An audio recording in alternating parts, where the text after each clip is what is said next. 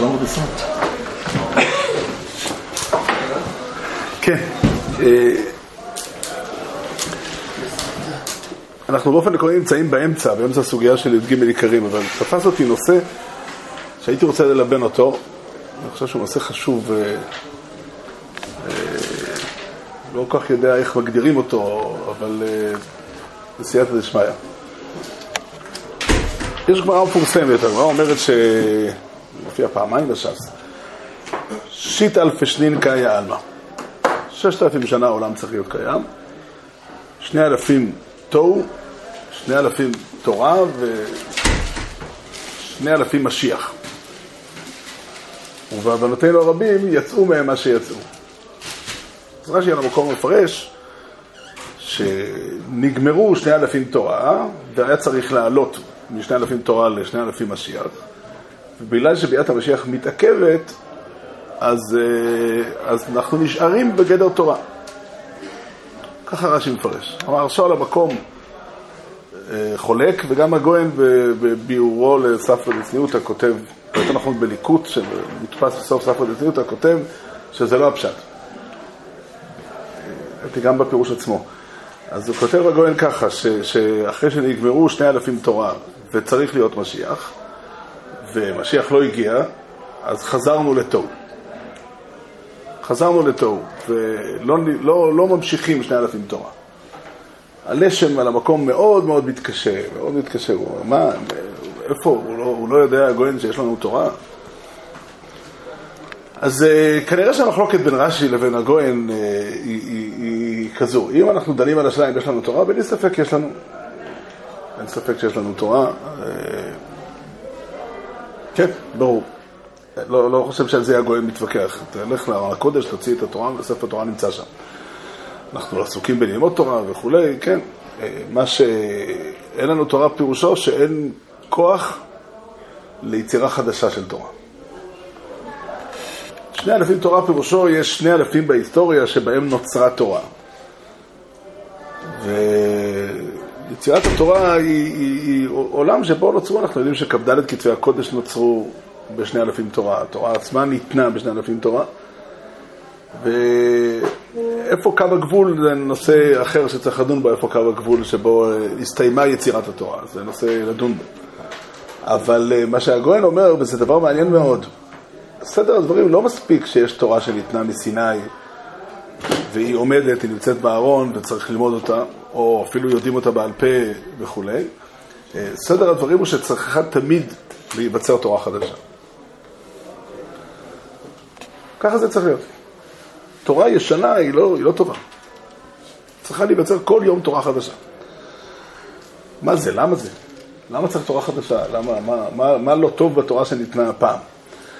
אז אה, אני חושב שהפירוש הוא מאוד פשוט, אולי נתחיל את זה כך, אה, המשנה במסכת אבות מתחילה, משה קיבל תורה מסיני ומסרה ליהושע ויהושע לזקנים וזקנים לנביאים ונביאים מסרו על אנשי כנסת הגדולה.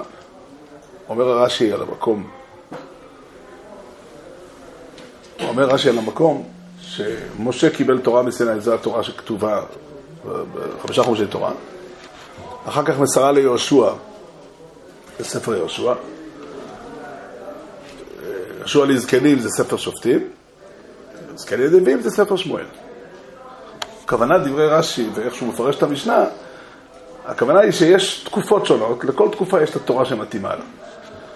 וכתבי הקודש, כתבי הקודש, כ"ד כתבי הקודש מתארים את התורה שמתאימה לדורות ההם, ולא הרי תורה כהרי ספר יהושע, ולא הרי ספר יהושע כהרי ספר שופטים, וספר שופטים לא דומה לספר שמואל. משהגענו לאנשי כנסת הגדולה שנגמרה להיכתב, שהם חתמו את התנ"ך ואין יותר כתבי הקודש, אז צריכה להיות תורה שבעל פה, וזה מה שמפרש פרק א' של מסכת אבות, שכל דור ודור יש לו את התורה שלו, את החכמים שלו, ומה הם אמרו.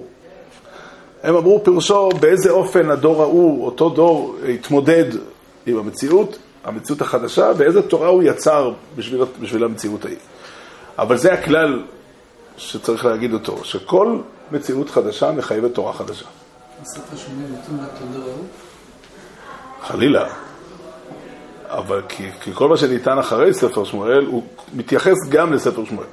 הוא כולל בתוכו באיזשהו אופן. אין תורה שבעל פה לצורך העניין, אף אחד מהתנאים שכתב את המשנה לא ויתר על ספר שמואל, או הוא למד את ספר שמואל והוא ידע אותו, ומה שהוא כתב הוא, הוא מתוך זה. אבל צריך להמשיך הלאה. צריך להמשיך הלאה, אי אפשר להישאר, זה, זה הכלל. זה הכלל, וזה כלל אה, שאנחנו צריכים להפנים אותו, הוא לא, הוא לא, הוא לא כלל פשוט. הכלל שאומר הוא ככה, שהעולם מצד עצם מציאותו הוא עולם דינמי. קורים דברים בעולם. דברי ימי עולם, וכל מי שרואה, התורה כולה היא סיפור. התורה כולה היא סיפור.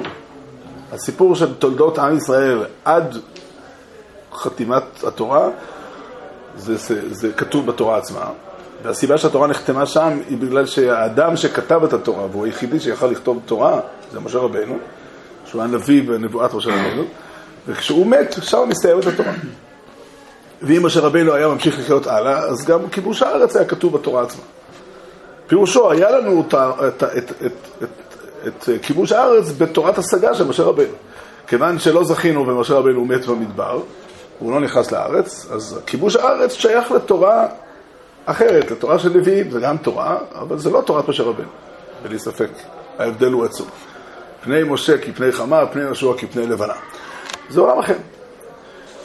והתנ"ך נכתב ונמשיך להיכתב ולכלול את כל הסיפור של עם ישראל, כמובן רק מה שהנביאים מצאו לנכון או קיבלו מהשמיים את ההוראה לכתוב, עד היום שבו פסקה נבואה מישראל.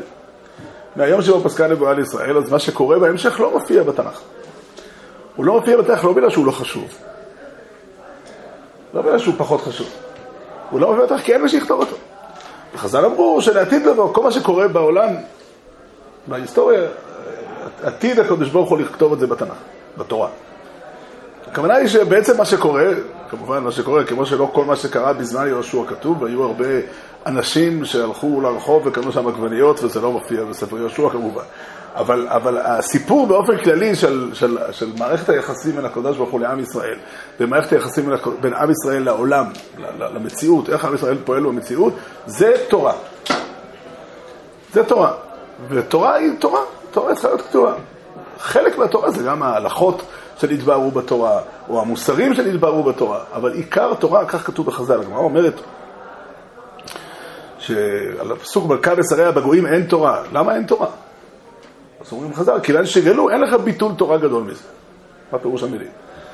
הכוונה היא שהעובדה שגלו והמציאות היא לא מציאות של, של ברית גלויה, זה, זה, זה ביטול תורה. והביטול תורה הזה בעצמו, מתקיימת בו הברית באופן אחר, והוא עצמו תורה.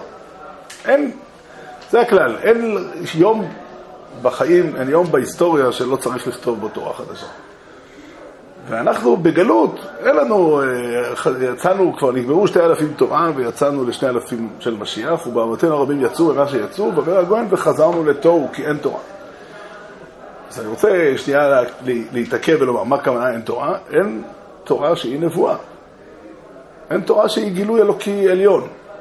יש תורה שהיא תורה שבעל פה, שהיא נובעת מעמל החכמים, מהמאמץ שלנו להבין ולהתבונן ולחשוף את מה שנכון לעשות. אבל אי אפשר לקיים את הדבר הזה ששמו עם ישראל בלי תורה חדשה. אין מה לעשות. כיוון כל עוד המציאות קיימת ואנשים חיים והמציאות היא משתנה, ומי שמסתכל על המציאות שלנו רואה שהמציאות משתנה בקצב אה, מדהים, ולפעמים יוצא אה, לפגוש אנשים כאלה שמסתכלים על המציאות המשתנה והם חווים חרדה. והחרדה הזאת יכולה לדבק, בגלל שהם הם לא, הם לא מבינים לאן העולם הולך. עכשיו, כל דור, דור הולך ודור בא, והארץ לעולם עומדת, האנשים הצעירים חייכים על הזקנים שמסתכלים על העולם ומזועזעים ממה שקורה, מה שקורה הוא די בסדר, זה נורמלי וכולי וכולי, אבל האמת היא, האמת היא שהדברים, העולם משתנה. העולם הולך ומשתנה, וקורים דברים, אני לא כל כך זקן, אבל אני יכול להגיד לכם שאם הייתי בא לסבא שלי ומספר לו דברים שקרו אחרי מותו, הוא היה אומר לי שזה לא יכול לקרות. לא יכול לקרות. העולם שאנחנו חיים בו היום הוא עולם חדש, במובנים מסוימים חדש לגמרי. ואנחנו חייבים למצוא תורה חדשה שמתאימה לדור שלנו. אין, אין מנוס מזה. אי אפשר לחיות, אי אפשר להפטיר כדי אשתקד. זה לא שייך. אפשר, כל השנה מפטירים את אותן הפטרות, זה בסדר. אבל, אבל חייבים להבין שהמציאות דורשת תורה, דורשת לימוד תורה מיוחד, ודורשת... אה, קרו דברים גדולים כל כך ב- ב- ב- ב- בחיים שלנו. קח את הדבר, הדבר הזה שהוא מזעזע עד כמה הוא גדול ועוצמתי, ואין לנו אפילו מילים לדבר עליו. אף אחד לא חלם שזה יקרה, שפשוט גלות אדום נסתיימה. אין היום יהודים שנמצאים בגלות. יש הרבה יהודים שנמצאים בחוץ לארץ, כי הם לא רוצים לעלות, אולי קשה להם באופן אישי בגלל שאין להם כסף, או בגלל שהם כרוכים ב... כל מי שרוצה, כל יהודי שרוצה לקיים תרי"ג מצוות ורוצה לעלות לארץ ישראל, יכול לעשות את זה. אולי להוציא כמה יהודים בודדים באיראן, וסוריה, לא יודע אם יש בתימן, אלה. הכל מדובר ממש אה, מספרים קטנים ממש. עד לפני 30 שנה בערך, אני לא יודע להגיד תאריך, היה מיליונים של יהודים שהיו תחת המכבש של, של, של גלות אדום. ברית המועצות החזיקה מיליונים של יהודים שלא נתנו להם להיות, אה, לשמור תורה ומצוות. כל פנים, ודאי עשו להם קושי עצום בשמירת תורה ומצוות, ובוודאי לא נתנו להם ללכת. השינוי הגדול הזה, הוא, ואף אחד לא חלם שזה יקרה. אף אחד לא חלם שזה יקרה. זה קרה בדרכים, כולם האמינו שזה יקרה. היו משוכנעים שזה יקרה, אבל בדרכים אחרות לגמרי. בדרכים אחרות לחלוטין. אם היית בא לסבתא שלי או לסבא שלי או לכל אדם שנפטר לפני יותר מ-30 שנה, והיית אומר לו שיום אחד ברית המועצות תיעלם מן העולם, ויהיה במקום זה אוסף של מדינות, נו נו, חלשות יחסית, והיהודים שם, כל מי שירצה יוכל לעלות לארץ בקלות, ואנשים יוכלו לפתוח שם ישיבות, מישהו היה מאמין לזה? הוא אומר, לפני 40 שנה, מישהו יכל לחשוב על זה לפני גורבצ'וב? זה דוגמה אחת. זו דוגמה אחת. השינוי הוא שינוי עצום. הוא שינוי עצום, והוא דורש מאיתנו להבין שאנחנו לא יכולים, אנחנו חייבים לעמול בתורה באמת, כדי למצוא דרכים איך לחיות את החיים שלנו, את החיים שלנו כחיי תורה. הנושא הזה הוא נושא רחב, אני, הדוגמה של, של, של, הדוגמה הזו היא דוגמה אחת, היא אחת הדוגמאות הגדולות, אבל לא הכי גדולה. לא הכי גדולה. אנחנו היום חיים, וכל מי שמנסה לחיות, מנסה לחיות חיים... אה, אה, רב מוישה, זיכרונו לברכה, ככה, מורי ורבי רב מוישה היה אומר שמי שחי לפי הספר בסוף מת מטעות דפוס. זה נכון על כל מי שחי לפי הספר. אבל זה ודאי נכון למי שמנסה לחיות לפי ספר ישן. זה ודאי נכון למי שמנסה לחיות לפי ספר ישן. והתורה מצד אחד, תורת, תורת אמת, והיא תורה נצחית, ואין תורה, לא תהיה תורה אחרת בטבורי יתברך שמו, בלי ספק. מצד שני, המציאות היא מציאות חדשה, והיא דורשת הרבה מאוד תשובות. הרבה מאוד תשובות, והרבה מאוד אנשים, ננסח את הדברים בצורה כזאת, האם לנו כאנשי תורה יש מה לומר לעולם? אני אסביר את השאלה הזאת, היא שאלה נוקבת, לדעתי, שאלה חמורה. זאת אומרת, בלי ספק, התורה מצווה בני אדם לשמור תרי"ג מצוות. אין, אין בזה ספק. תרי"ג מצוות, חלקם הגדול מוגדרים בשולחן ערוך, יש פה, נוצרים, גם שם נוצרים שאלות הלכתיות כל הזמן. כמעט, כמעט אפשר לומר שכל הלכה שכתובה בשולחן ערוך צריך לבדוק מחדש, האם היא רלוונטית, האם היא נוגעת. אני לא מתכוון ברמה של... ברמה של, של אדם רפורמי, אבל אפילו האם התנאים שעליהם אנחנו מדברים היום הם אותם תנאים שעליהם ההלכה דיברה. היה לי איזה ויכוח בחנוכה עם יהודי אחד, לי, כתוב בשולחן ערוך במפורש שהעידנא מדליקים בפנים. אמרתי לו, אתה לא יודע שהעידנא פירושו אתמול? הוא אומר לי, לא, העידנא זה היום. הוא מוציא לי מילון עברי, ערבי עברי. העידנא, לא, אמרתי לו, אתה טעית, העידנא הכוונה היא אתמול, לא היום. אי אפשר לצטט, מי שמצטט שולחן ערוך ואומר שמדליקים בפנים, הוא עושה שקר. הוא עושה שקר, זה לא נכון. זה, אני לא אומר, מי שרוצה לחדש חידוש כזה, שאפשר להמשיך להדאיג בפנים בגלל איזושהי סיבה, אז הוא כתב הלכה חדשה מאוד. זה גם חידוש עצום, שקשה להעריך כמה הוא גדול. או, או לחילופין הפוך. אבל אני לא מדבר על הסוגיות ההלכתיות, אני מדבר על זה שבני אדם חיים בעולם. והחיים, חלק גדול מאוד מהחיים של בני אדם, זה העיסוק במציאות. העיסוק במציאות, אנשים צריכים לפרנס את עצמם, אנשים צריכים אה, לקיים חיי משפחה, אנשים צריכים, הציבורים צריכים, הציבור כציבור וקהילות כקהילות צריכות לקיים חיים ולנהל משא ומתן אה, עם, בינם לבין עצמם ועם הבריות ועם קהילות אחרות. כל אלה סוגיות עמוקות מאוד, גדולות מאוד בחיים שלנו. ואני שואל, האם אנחנו כאנשים דתיים מנהלים אותם אחרת? יש לנו איזושהי בשורה להגיד לאדם בעולם שישאל אותך, האם אני בתור אבא אמור להיות שונה בגלל שאני מאמין בהשם ובתורה, או שאבא הוא אבא. או אדם אחר שעובד במחלקת התברואה של עיריית ירושלים או של עיריית ניו יורק. יושבים שם, נתאר לרגע שני אנשים שעובדים באותו, נושאים את ההשפעה של ירושלים לזה, אחד מהם הוא יהודי מאמין ואחד מהם הוא, אה, לא יודע, בן, לא משנה איזה דת. יש ביניהם הבדל? אמור להיות הבדל או לא אמור להיות הבדל? אני מתאר לעצמי שמבחינת החוקים של חוקי הגרביטציה שנוגעים לנסיעה של, כמות, של, של, של השפעה, אין הבדל. חוקי הגרביטציה פועלים בשווה כל בני אדם בעולם. אבל האם יש לתורה מה לומר לבני אדם איך, איך, איך מקיימים חיים בעולם הזה? אז אנחנו נתונים, ל, ל, ל, וזו הנקודה שאני רוצה קצת ללבן אותה היום, אבל אני רוצה אה, אה, ללבן את הדברים ולנסות להבין מה קרה לנו. מה שקרה לנו זה שהעולם הולך ומשתנה כל הזמן. ובדורות האחרונים העולם משתנה הרבה יותר, ויש איזושהי תחושה חזקה מאוד שהיכולת שלנו לחדש תורה הולכת ופוחתת. הולכת ופוחתת, והעולם, אנחנו חיים חיים שלמים בלי תורה. מה? לא שומע. אני אמרתי, מה שהגויין אומר שהתורה, אה, אה, שירדנו לתורה, הכוונה היא אין, אין גילוי שכינה, אין נבואה. אין לנו תורה חדשה במובן שלא נכתב ספר חדש בדברי הנביאים בגלות. אבל התפקיד של חכמי ישראל לעיין בתורה וללמוד אותם, ללבן את התורה ולהוסיף את תורת דרכי חיים, דרכי חיים, הוא, הוא תפקיד שמחייב ומחויב כל הזמן. עומד על לשוני הלשון שהרשב"ם מצטט בפרשת וישב בשם רש"י. הרשב"ם אומר שם שהוא התווכח עם רש"י על דרכי פירוש התורה שבכתב, והודה לי מורי זקני שצריך לכתוב פירוש חדש לתורה מפני הפשטות המתחדשות בכל יום. מפני הפשטות המתחדשות בכל יום. אני לא חושב שהכוונה לדברי רש"י, חלילה. כך חשבתי בילדותי, מאוד הסעיר אותי דברי הרשב"ם האלה. הרשב"ם מעיד לנו שרש"י סבור שצריך למחוק את הפירוש שלו.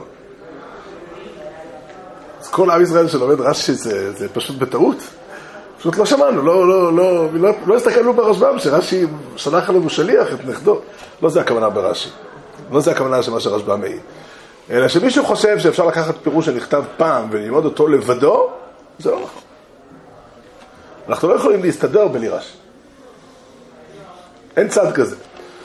אבל באותו, באותה מידה אין צד שאפשר להסתדר רק עם רש"י. החיים דורשים כל יום לעיין בתורה מחדש ולשאול את עצמנו מה השם אלוקיך שואל מעמך. איך מתקיימים בחיים שלנו, במציאות שלנו, מהי עשות משפט ומהי אהבת חסד ומהי, ומהו עצמי הלכת עם אלוקיך ו, ו, ו, ו, ומה זה נקרא ממלכת כהנים וגוי קדוש ואיך אנחנו יכולים היום לעשות את זה. כן. הרב לא מתכוון שההגדרות משתנות, מה זה חסד, מה, מה זה צדקה, מה זה משפט, אלא ההשלכה שלהם עלינו, כמו ש... די בזה, לא די במה שאתה אומר, די במה שאתה אומר כדי להטיל עלינו תפקיד קשה. לא, אני, אשאל אותך את השאלה שאני נשאל כל הזמן. ברוב הפעמים שאני אשאל את השאלה הזאת, השואל הוא אני. אבל קורה גם ששואלים אותי אותה אנשים אחרים, והיא שאלה שכשאני שומע אותה מאנשים אחרים זה כואב לי הלב עד מאוד. שאלה מאוד פשוטה. לשם מה? מה, מה התורה רוצה? הקדוש ברוך הוא ירד על הר סיני, נתן לעם ישראל תורה. מה יש לו להגיד? אני, לצורך העניין, נדמיין לרגע, אני אדם אה, שמנהל, אה, לא יודע איזה חברה גדולה במשק הישראלי, מה אני, בסדר, ודאי שהתורה מצווה אותי תרי"ג מצוות. המצוות אצלנו בדרך כלל נלמדות כמערכת חוקים. ההגדרות שלהם הן הגדרות, אה, תקרא לזה הגדרות משפטיות, שכתובות בספר או בספרים, ואנחנו בוחנים אותן על פי זה. אתן לך דוגמה, לפני אה, שבועיים פגשתי בחור, הוא סיפר לי שהוא אה, ביקש מחבר שלו בישיבה לספר אותו. תספורת. יש מכונה, זה דבר פשוט, למה לא? זה מצוות חסד. אומר לו המספר, הוא אומר, תשמע, אנחנו נמצאים בישיבה, ואין לנו אף פעם הזדמנות לקיים מצוות עשה של ביומו תיתן שכרו. אף פעם אנחנו לא מעסיקים עובדים. בוא נעשה עסקה. אנחנו נקבע שהשכר על, על, על, על התספורת הזאת הוא שקל, כדי שתשלם לי שכר ותקיים, לקיים מצוות עשה של ביומו תיתן שכרו. לא, לא, רגע, אם תעשה ככה, נפסיד מצוות חסד. שאתה מקיים. אז אה, הם התווכחו את הוויכוח הזה, אני לא יודע בדיוק מה הם עשו בסוף, וסיפרו שבאותו ערב הם הלכו לאיזה חתונה, ובאיזה אולם חתונות הם ירדו באולם ופגשו שם במעלית את אחד מגדולי התלמידי החכמים בדורנו, רב דב לנדו. ושאלו אותו את השאלה הזאת. מאוד מאוד נהניתי מהתשובה, הוא אמר, התורה לא ניתנה בשביל שתעשו איתה משחקים. תהיו בני אדם נורמליים ולא יותר מזה. הוא אומר לו, מה, הרב התכוון שמפסידים את המצוות חסד? הוא אומר, לא התכוונתי, לא, לא, לא, לא לזה התכוונתי. הוא אומר, מסתובב, לא מפסידים את המצוות חסד, אבל כל הדיון הוא מיותר. לא עושים דברים כאלה. שאלו אותו עוד ועוד, והוא לא מצא מילים להסביר יותר ממה שהוא אמר. אבל מה, מה, מה הסיפור הזה משקף? הסיפור הזה משקף שביום תיתן סחור איזה מתבססת. סיפור, זה הופיע בכתב עת של העיר קריית ספר, כתב עת... אה, אה, משהו שיוצא לו כל שבוע. מעשה שהיה, תראה איזה עיר קדושה היא קריית ספר, יש חכמים וסופרים, וזה אחת הערים הבודדות בעולם, אני חושב שכולם שם כמעט חכמים וסופרים. באמת אה, זה, אבל נהג מונית, אדם עולה למונית והוא ממהר לרדת. אז הוא סיכמו על מחיר והוא רוצה לשלם לפני שהוא יורד, כדי שהוא ברגע שהמונית עוצרת הוא יוכל לרדת מיד. אבל הנהג לא. כיוון ששכירות אינה משתלמת אלא לבסוף, אם אתה נותן לי קודם, אתה מפסיד את המצוות הזה שביומו תיתן שכרו. צריך לחכות אחרי, שת... אחרי שתיגמר הנסיעה, ואז תשלם לי. אז הוא אומר לו, אבל אני ממהר. אומר, אתה בשביל שאתה ממהר, אתה רוצה לשים טיסת הסדר אורייתא? מה אתם אומרים על זה? אלה דוגמאות קיצוניות. אלה דוגמאות קיצוניות, אני באמת, אה, בתוך עמי אנוכי יושבת, לא ככה העולם נראה של תלמידי חכמים ושל בני תורה. אבל, אה, אבל הרעיון שעומד מאחורי הדברים האלה, שהתורה הפכה לנו, יש כזה פרשה בתורה, או בנביא, מישהו, מחומש שמות, אני, יותר קל למצוא את זה בהפטרה של חמישה ראשי תורה. תודה רבה. זו הפטרה שכולם מכירים את הפסוק, כי זה אחד הפסוקים הכי מוזרים בתורה, בתנ"ך, מבחינת הקריאה הפשוטה שלהם. אבל כך כתוב פה. את מי יורד דעה ואת מי יבין שמועה? גמולי מחלב עתיקי משדיים. כי צו לצו, צו לצו, קו לקו, קו לקו, זער שם, זער שם. כי בלעגי שפה ובלשון אחרת ידבר אל העם הזה, אשר אמר עליהם זאת המלוכה הניחו לעייף וזאת המרגעה ולא אבו שמוע. והיה להם דבר השם צו לצו, צו לצו, קו לקו, קו לקו, זער שם, זער שם, למען ילכו וכשלו אחור ונשברו ונוקשו ונלקחו. אז חוץ מהמילים המוזרות האלה, שכל מי ששומע אותם שם לב אליהם וזוכר אותם בעל פה, מקווה שבניקוד הנכון, אז, אז, אז, אז הפירוש של ההפטרה הזאת הוא ככה, יש מצב שבו אנשים לומדים תורה וקוראים תורה כל היום, והתורה אצלם היא צו ועוד צו, קו ועוד קו, אוסף פרטים. זה, שם, תראה, באמת ככה זה נראה. יש מצווה של נטיית ידיים שחלה על האדם כשהוא קם בבוקר. ויש מצווה אחרת של ברכת המזון שחל אחרי שהוא אוכל. אם נולד לו ילד, הוא צריך למול את הילד, ואם הוא קונה בית, הוא צריך לעשות מזוזה. ואם אה, כך אז כך, ואם כך אז כך, בכל מיני סיטואציות בחיים מגיעה התורה, והתורה יש לה את הכישרון לעמוד כמעט בכל זווית אפשרית ולהטריד אותך שם. ממש, צו לצו, צו לצו, ועל זה כתוב בפסוק, כי בלעגי שפה ובלשון אחרת ידבר אל העם הזה. דברי השם בתורה הופכים להיות לשפה אחרת, לשפה זרה, הם לא מבינים מה מדברים איתם. אשר אמר עליהם, הקדוש ברוך הוא בא ואומר להם, זאת המנוחה, הניחו לעייף וזאת המרגעה. באתי להציע לכם תורה שהיא מנוחה לעייף והיא מרגעה, ולא אהבו שמוע. הם מתעקשים להחזיק את הצו לצו, קו לקו, זהר שם, זהר שם. ועל זה כתוב למען ילכו וכולי. זה הפשט. לא אמרתי יותר מאשר פשט פשוט. לא, לא, לא, לא, לא הוספתי שום עומק לפסוק הזה. אבל הקריאה הזו היא קריאה אדירה, אנחנו חיים במציאות חדשה ואנחנו לא יכולים, אי אפשר, אי אפשר להפטיר כדי אשתקד. ממש במילים האלה. אי אפשר להסתפק במה שידענו אתמול ושלשום, כשהמציאות היא אחרת לגמרי. לא, לא שייך ככה. וכשבאים אנשים, לפעמים זה קורה שבאים אנשים שגדלים בתוך המדרש, והם, אני אשתמש בזה במינוח קצת חריף, הם מרגישים שכל המציאות קרסה אצלם מבפנים. הם לא מבינים, פתאום הם לא מבינים מה, מה, על מה מדובר פה. מה הם עושים? מה החיים, במה, במה הם משקיעים את החיים שלהם? אומר הפסוק, אשר אמר להם, זאת המנוחה הניחו לעייף וזאת המרגיעה. הדבר הזה, הבשורה של התורה, הקריאה של הקדוש ברוך הוא בתורה אמורה להיות דבר בבחינת אה, זאת המנוחה הניחו לעייף.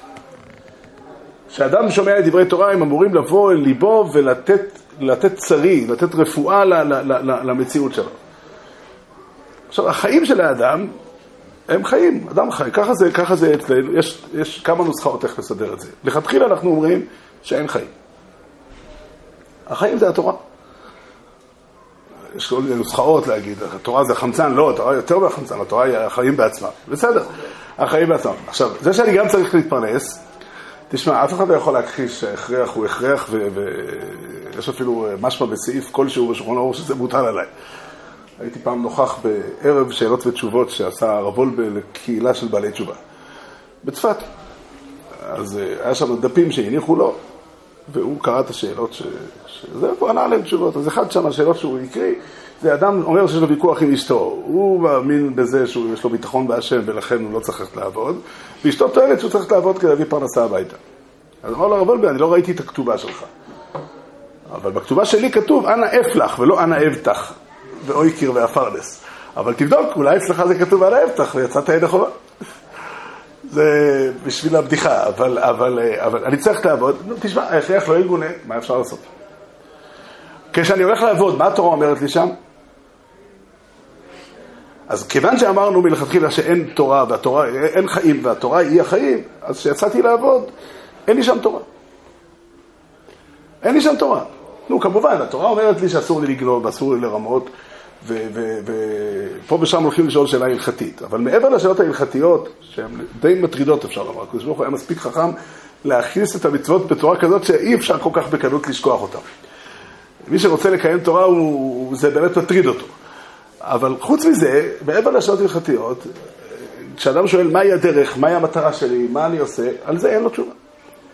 השארנו עולם שלם, את העולם שהקדוש ברוך הוא ברא, עולם בלי תורה. וככל שנעשה יותר לקחת את השאלות ההלכתיות, להפוך אותן יותר לצו לצו, קו לקו, זהר שם, זהר שם, עוד הגדרה כאן והגדרה כזו, והגדרה מפה והגדרה משם, איבדנו את המשמעות של, של, של דברי תורה. אז אפשר ללכת בשלב הבא ולהגיד, תשמע, בוא נעצים ונוסיף עוד מצוות של התורה, זה דרך מעניינת. נחדש קידושים, נחדש קידושים שאולי יש להם שורש. נאמר, אחת הדוגמאות היפות זה, זה ניקח מה זה שבת. שבת זה ל"ט מלאכות, כל אחד יודע. לישון כל השבת זה בסדר?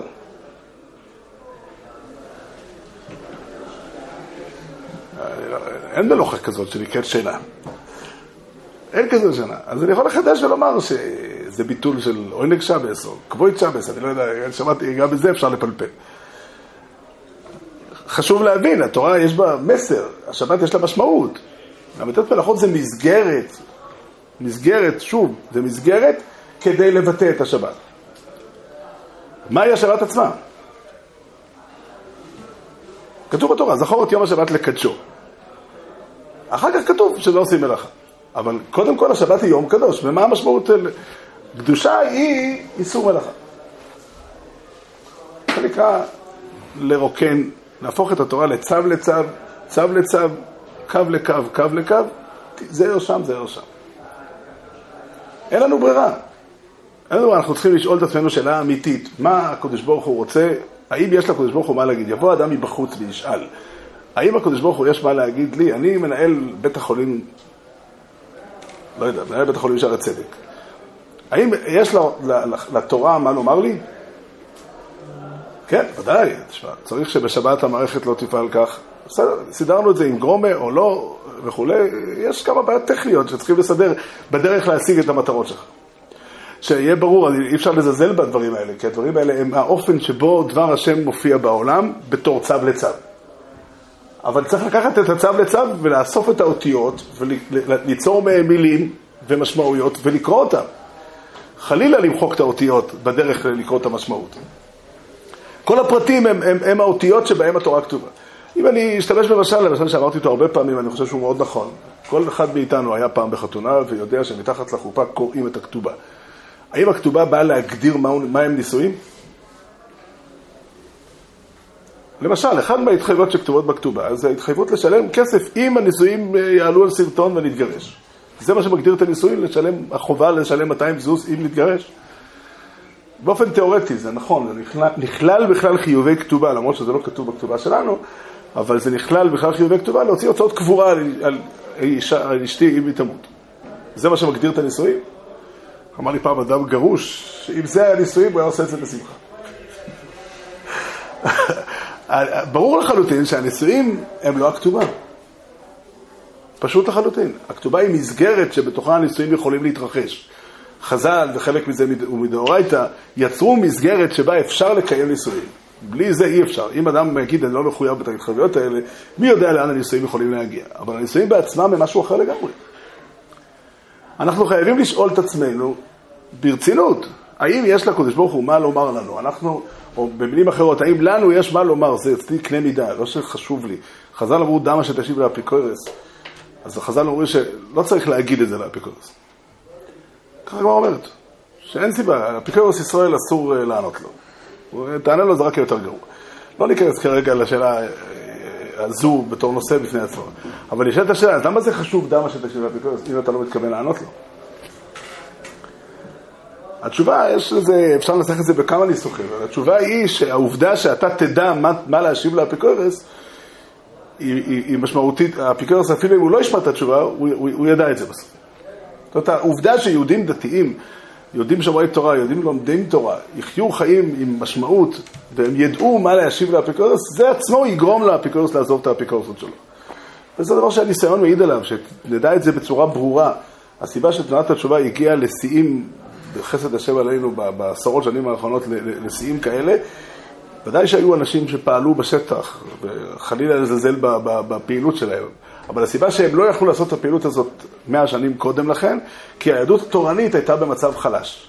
כשהיהדות התורנית נמצאת במצב חזק, ורבותינו הגדולים של הדור האחרון העמידו תורה בישראל בצורה כל כך חזקה ומשמעותית, עד כדי כך שעולם התורה גדל ושגשג והפך להיות לחזק ומשמעותי, זה גרם לזה שאפשר להחזיר אנשים בתשובה.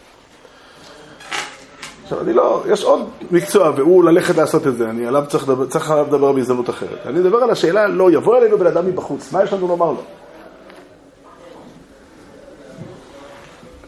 היה בישיבת פתחי עולם, היו נוהגים בליל פורים לעשות uh, סוגים של הצגות. אז פעם מישהו עשה הצגה.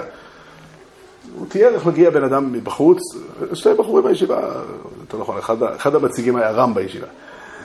אבל הוא הגיע, הוא מגיע והוא אה, מגיע בן אדם מבחוץ, הוא אומר, אני רוצה, בואו, אני רוצה ללמוד תורה. אז הוא פותח לו שור שנגח את הפעם, הוא אומר, כן, אני יודע, אני יודע, כל העולם כולו זה בהמות, זה בהמיות. אני רוצה, הוא אומר, לא, השור נגח, כן, רק נגיחות ומריבות כל הזמן וכולי. אה, עכשיו השאלה היא מי ישלם, כן, הכל זה כסף, אבל אנחנו עוזבים את הכל, רוצים ללמוד תורה. בסוף מתברר שהתורה עסוקה בכסף, ובשור, ובפרה. אין מה לעשות. אין מה לעשות. אז מה נגיד להוא, תדע לך שיש לנו דרך לפתור את הבעיה. כמה, אני אציע לכם כמה דרכים. דרך אחת זה להגיד ש... לא, לא יודע, לא רוצה, לא רוצה להיכנס לחלילה לעוון ליצנות, אבל אני אומר, מה שאנחנו עושים בעצם מדברים תעזוב, זה לא הנושא. העיקרון הוא שתעזוב את החיים שלך ותעסוק בשור של את הפרה כמושג אידאי, או בשפה אחרת לעשות תורות תפילות. לא חלילה, לא חלילה השור הנגח, זה לא משנה כל כך אם השור נגח או לא נגח, ואם צריך לשלם או לא צריך לשלם, זה עניינים קטנים שמטרידים אני לא יודע את מי. כמובן, מי שנאבד לו, מי שעשו לו את זה והוא רוצה את הכסף, זה ודאי, כן, זה ברור, אף אחד לא, לא, לא הבטיח לנו שאנשים לא יתבעו את חבריהם בבית הדין. גם צריך שיתבעו. התורה, יש לה מה לומר לעולם, לאדם הזה, או שהתורה צריכה לאכזב אותו ולהגיד לו, אתה ציפית לעולם רוחני, זה תמצא אולי, לא יודע איפה, פה אצלנו בתורה יש שור שלקח את הפרה, ויש ארבעה אבות נזיקים, ויש יציאות השבת שתיים שהם ארבע. זה התורה שלנו. האמת לאמיתה היא שהתורה פונה לאדם ואומרת לאדם איך הוא צריך לעצב את החיים שלו פה. אין תורה אחרת. אין בכל התורה כולה, מבראשית ועד אה, מי בכם מכל עמו ויעל, בסוף דברי הימים, אין אה, דבר אחד שמכוון למשהו אחר. אין. אין פסוק אחד בתורה, בתנ"ך, שלא המטרה שלו היא להגיד לבני אדם איך הם יעצבו את החיים שלהם, באיזה אופן הם ייראו, באיזה אופן הם יפעלו, מה הם יעשו בחיים, מה צריכה להיות הציפייה שלהם, מה צריכה להיות השאיפה שלהם, ותפקידנו הוא לשאול את עצמנו כל יום, כל יום, באיפה, באיזה אופן אנחנו יכולים לחיות. כן. אם לא יהיו יותר, לא מזיקים, לא בתי מרכז מציאות, לא יהיו שברים מסתובבים, ואת כל הדברים האלה לא יהיו, כי בני ישראל החליטו להעמיד את זה בצורה שזה לא יקרה יותר, לא יהיה נזקי שכנים, שום דבר. אז, מה יהיה? אז הנה לדוגמה, יש דוגמאות לזה. לא, אני קורא שלמות, שלא חצי. אני אומר, אה, אם אתה רוצה קצת, אני אומר את זה ככה, במשכן היה שני כלים שהם אה, שייכים או רומזים לתורה, הארון והמנורה. המנורה כתוב בחז"ל, אה, בפסוק כתוב שהיא לנוכח השולחן. וככה ההלכה, לא בדיוק ככה, אבל, אבל למעשה, אם אין שולחן, אין מנורה. אין ערך למנורה אם לא שולחן. שואלת השאלה, למה? המנורה זה התורה. אותי לימדו שהשולחן הוא לצורך התורה. איך אומרים, אדם צריך אה, לחיות וצריך להתפרנס כדי שיוכל ללמוד תורה. התשובה היא שיש שתי בחינות של תורה. יש תורה שהיא הברית עם הקדוש ברוך הוא, והיא עצם הרעיון הגדול שהאלוקים נוכח בעולם וכולי. עכשיו, יש דרכים מציאותיות איך להכיל את זה במציאות, וזה תלוי בשולחן. האמת היא שהקדוש ברוך הוא ברא עולם שיש בו שולחן, ויהיה בו שולחן כל עוד העולם הזה קיים, אני לא יודע מה קורה אחרי הששת אלפים שנה, אבל כל עוד העולם הזה קיים, יש, יש, יש שולחן, וצריכים להאיר את השולחן כל פעם מחדש. והשולחן, זה מה שאני אומר, השולחן מתחלף. שימו לב לעובדה הזאת, שאנשים היום חיים במציאות שונה מלפני עשרים שנה. שלא לדבר על לפני מאה שנה. וגם ברמה ההלכתית נטו, גם ברמה ההלכתית נטו, השאלות, השאלות, המציאות היא שונה וצריכים לחשוב מחדש על המציאות. אנחנו ממלאים איזושהי מערכת של, של, שהרעיון שבה הוא להפטיר כדי אשתקד. זה, זה, זה, זה הרעיון, הרעיון הוא לעשות בדיוק כמו שעשו אבותינו לפני מאה שנה. אני לא אומר שזה, לא, שזה חסר משמעות, אבל, אבל אי אפשר להישאר בזה. אי אפשר להישאר בזה. ממש ככה. זה לא שייך, לא שייך בעולם. מי שינסה לחיות לפי, ה, ה, ה, רק במסגרת הזאת, אז יקרה אחד משתי אפשרויות. או שהוא ייצור עולם בלי תורה, ותורה שהיא ריקה לגמרי ממשמעות, זה אפשרות אחת, חלילה וחס, ואפשרות שנייה, זה שהתורה שלו תתנגש עם החיים כל יום והוא ייתקל בקיר. כמו שקרה לעובדי כוכבים, שחז"ל אומרים שזה לא עבודת כוכבים, כי בנגע אבותיהם בידיהם. כן, כן. שם כתוב, כי עבודה זרה נעלמה מן העולם בחורבן הבית הראשון, ומשם והלאה רק מנהג אבותיהם בידיהם. אנחנו פונים, צריכים להבין את זה, העולם, עם ישראל כולו, אני, אני אגיד לכם דבר, שמעתי אותו מאדם אה, שמפורסם כאחד מרשעי ישראל. קוראים לו טומי לפיד. לא יודע אם מזכירים את שמו, אולי אסור להזכיר את שמו בית המדרש, אבל ככה הוא אמר. הוא אמר שאם תיקח את העם היושב בציון, היהודים, העם היהודי היושב בציון, הוא מתחלק לשלושה חלקים. ככה הוא אמר, יש 20 אחוז יהודים שומרי שבת. לא בדקתי את המספרים, זה פחות או יותר נכון, אבל אה, אולי יש שינוי דמוגרפי מפה לשם, זה פחות או יותר הסטטיסטיקה. 20 אחוז אנשים חילוניים, ו-60 אחוז חילונים שאינם שומרים שבת, אה, אה, סליחה, דתיים שאינם שומרים שבת. מה פירוש? הוא אומר, אם אתה עוצר בן אדם שנוסע בשבת ברחוב ושואל אותו, למה אתה נוסע בשבת? איזה תשובה אתה מצפה לשמוע? למה לא? זו תשובה חילונית. אבל אם הוא יענה לך, תראה, התורה התכוונה שאסור לקחת שתי אבנים גדולות ולשפשף אותן, והרבנים סתם המציאו שאסור לנסוע בשבת. או נוסח אחר, לנסוע בשבת זה עונג שבת. אני יודע לבד איך אני צריך לנוח בשבת. וחוץ מזה, אני לא יכול לשבת בבית, הילדים קופצים לי על הראש, אני לא מסוגל. כל אלה, ככה הגדיר את זה טוב ולפיד. דתיים שאינם שומרים שבת. אז ככה, כתוב בפסוק וחשב מחשבות לבלתי יידח ממנו יידח. זאת אומרת, מה שאני אומר מכאן והלאה זה כבר לא שלו. וחשב מחשבות לבלתי יידח ממנו יידח. גם החילונים צריכים לחזור בתשובה. אבל זה לפעמים נראה לנו רחוק וקשה לעשות. זה שה-60% האלה לא חוזרים בתשובה, זה תיירה עלינו. אני לא מדבר על פעילות. גם פעילות צריך לעשות, כל אחד צריך לשקול מתי ואיך ואם, לא, לא נכנס לשאלה הזאת. זה שהעובדה שאנחנו חיים פה בארץ ביחד איתם והם לא חוזרים לתשובה, זה צעקה עצומה. איך ייתכן שהמאור שבנו לא מחזיר אותם למותם? היה צריך להיות, כמו שכתוב בפסוק, ואמרו, הקם חכם ונבון הגוי הגדול הזה, כי מי גוי גדול אשר לא אלוקים קרובים אליו, כהשם אלוקינו בכל קוראינו אליו, ומי גוי גדול אשר לא חוקים ומשפטים צדיקים, ככל התורה הזאת. דברי תורה אמורים להיראות חיים וקיימים אצל יהודים שומרי תורה, ואני חייב לומר לכם את האמת, שזה די, די עובד. זה עובד על, על אחוזים רבים, אבל, אבל לא מספיק. הסיבה שתנועת התשובה קיימת כמו שהיא קיימת, אני אומר את זה מתוך היכרות עמוקה עם תנועת התשובה, היא בגלל הדבר הזה. בגלל הדבר הזה, בגלל שמי שמסתכל על, על, על קהילות של יהודים שומרי תורה נאמנים לתורה, רואה את השכינה שורה. אבל זה עדיין לא מספיק חזק. ואם אנחנו לא נחשוב במה, באיפה, באיזה אופן התורה שלנו אה, אה, אה, מדברת אלינו, תהיה לנו בעיה רצינית. תהיה לנו בעיה רצינית. אנחנו צריכים, ה-60% האלה אמורים לחזור בתשובה. לא מזמן היה סיפור, כולם שמעו עליו. כולם שמעו עליו. היה איזה מטוס של אל על שאיחר את המועד, לא ניכנס לכל הפרטים שם. אבל אני לא מדבר רק על, ה, על הקברניט של המטוס, ועוד אנשים שהיו על המטוס היו משוכנעים בזה. איך אמר שם האדם? אם הייתי דורר, צריך להכריח אה, אדם צמחוני לאכול בשר, אני מבין שזה לא עובד. אבל אדם דתי כל כך אכפת לו לנסוע בשבת? עכשיו, האדם שאמר את זה, אמר את זה בכנות, והקברניט היה בטוח שהחרדים, אה, איך אומרים, מה הם יעשו? הם היו באוויר. מה הם יעשו? הם יצעקו? הם יגידו כמה מילים, ונוכל לקחת אותם, להנחית אותם בשבת. במילים אחרות, הם לא, אין להם מושג מה זה נקרא אדם דתי. אין להם מושג מה זה נקרא אדם דתי, הם לא מבינים בכלל על מה מדובר.